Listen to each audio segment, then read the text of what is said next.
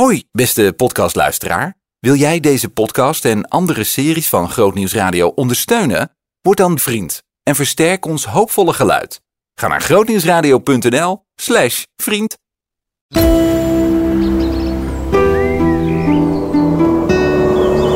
Groot nieuws uit de natuur. Het is volop lente en dat kun je overal opsnuiven, want wat staat er veel in bloei. Soms zichtbaar en soms bijna nog in het verborgene. Maar vergis je niet, en dat is bij hem zeker niet het geval. Boswachter Jonathan, die ons meeneemt het Bentwoud in, dat relatief nieuwe natuur- en recreatiegebied in de Randstad. Hij wijst je straks op vogels die je zo over het hoofd zou zien. En groot nieuws uit de natuur, voorjaarsbloeiers en meer. We staan nu bij de gele cornoeien. En dat is een struik en dat is een van de, de voorjaarsbloeiende struiken. Wat je nu ziet bij deze gele cornoeien is eigenlijk best wel apart. Je ziet al overal dat er bloemen staan, maar er eigenlijk helemaal geen blad. Dat is eigenlijk stiekem best wel een slimme tactiek van die plant. Want je kan dus eh, nu bedenken, nou, die planten die uh, onder andere met stuifmeel uh, ja, planten zich voort. Waardoor voordat het blad aan de bomen komt al te zorgen dat je, voor, dat je het stuifmeel verspreidt. Zorg je er eigenlijk voor dat het stuifmeel veel verder kan komen. Ik bedoel, als alle bladeren erin zijn en dan begint hij te stuiven. Ja, misschien raakt het net het blad ernaast of de, de struik ernaast. Maar komt het veel minder ver dan als de bladeren nog niet aan de bomen zitten. En daarom heb je soorten als de gele cornoeie, als de hazelaar, elzen, noem maar op. Maar goed, bij de wilde soorten zie ik dus echt heel erg dat ze iedere keer eerst een bloeien zijn.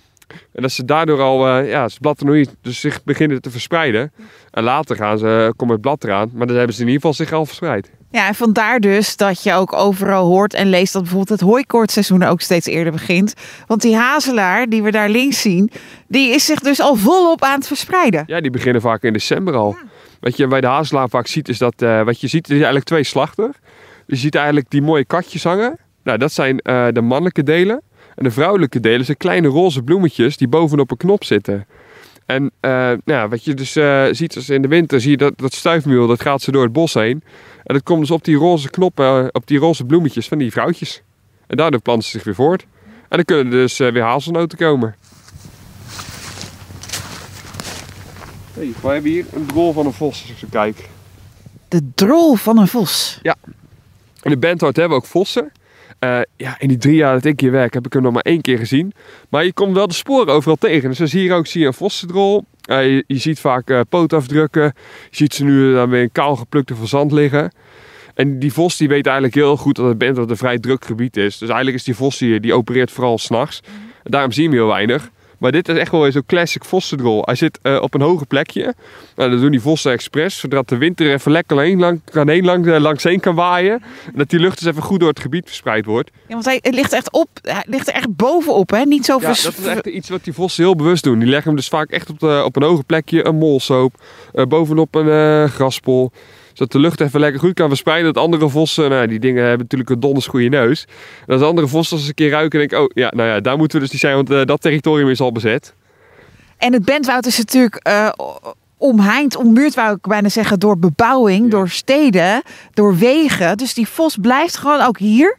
Nou, dan moet je bij vossen, moet je, die trekken zich daar helemaal niet zoveel van aan. Ik ken zelfs verhalen dat vossen midden, midden in de stad leven. Dus die vossen die, die weten zich heel goed aan te passen aan de mens.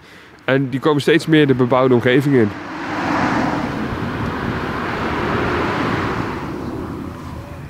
Ja, het was mij niet opgevallen, maar jij zag ze.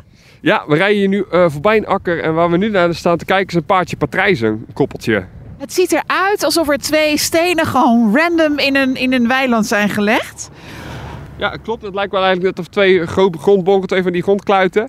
Maar uh, eigenlijk is het een patrijs. Een patrijs wat we noemen een ruigpoothoender. En ja, het is ja, oneerbiedig gezegd eigenlijk een soort van uh, klein kippie om uh, te zien. Maar ze zijn zeldzaam. Uh, het gaat heel slecht met de patrijs. En het feit dat we ze hier nu zien, dat is heel veel geluk hebben. Want uh, patrijzen, wat in Nederland zijn het echte akkervogels. Ze zijn eigenlijk, je ziet ze bijna alleen maar rondom akkerlanden. En door het gebruik van de akkerlanden tegenwoordig zijn er steeds, meer ruimte, of steeds minder ruimte is voor kruiden. En die patrijzen zijn onder andere afhankelijk van insecten die op die kruiden afkomen. Vooral als ze jongen hebben. En doordat al die akkerranden, vroeger had je van hele mooie kruidenranden er langs heen. En dat is eigenlijk verdwenen.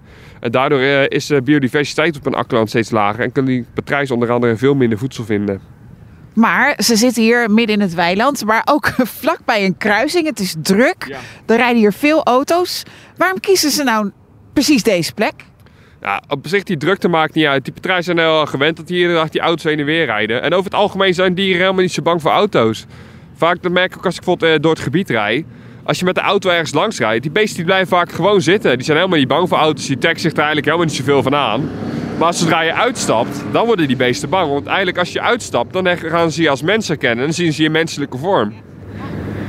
Alhoewel ze ons nu nog niet ontdekt hebben volgens mij. Ze zijn, ja, ja. plat beginnen te drukken. Dus ze hebben wel door dat wij hier zijn. En als wij hier nou een klein stukje die kant op zouden lopen, zijn we wel gewend dat hier, nou, je loopt ook een stoep langs heen. Dus dat die mensen over die weg lopen. Maar zodra wij uitstappen en daarheen lopen, dan gaan ze wel weg. Ze hebben ons gezien. Wat doen jullie in dit gebied om te zorgen dat het wat beter gaat met die patrijsvogel? Nou, in ons eigen gebied in Bentwoud komen dus ook patrijzen voor. En in ons eigen gebied zorgen we ervoor dat eh, de variatie tussen hoog en laag dat die mooi aanwezig blijft. Dus dat die patrijzen een mooie schuilplekken hebben om eh, zich terug te kunnen trekken. Maar ook dat we dus mooie lage open stukken hebben met veel kruiden waar die patrijzen dus een voedsel in kunnen vinden. Dus we proberen schuilplek te zorgen, voor schuilplek te, te voorzien en voor mooie voedselplekken. Ik denk dat we gaan zorgen dat we weer in de auto komen. Dan laten we die patrijsvogels lekker met rust volgens mij. Ja, je ziet dat als ze plat gedrukt zijn, dus laten wij verder gaan zodat ze gewoon weer eh, verder kunnen gaan met voedsel zoeken. Je hoorde groot nieuws uit de natuur. Voorjaarsbloeiers en meer. Zin in nog een podcast? Luister naar Zorgen voor je ziel via grootnieuwsradio.nl/podcast.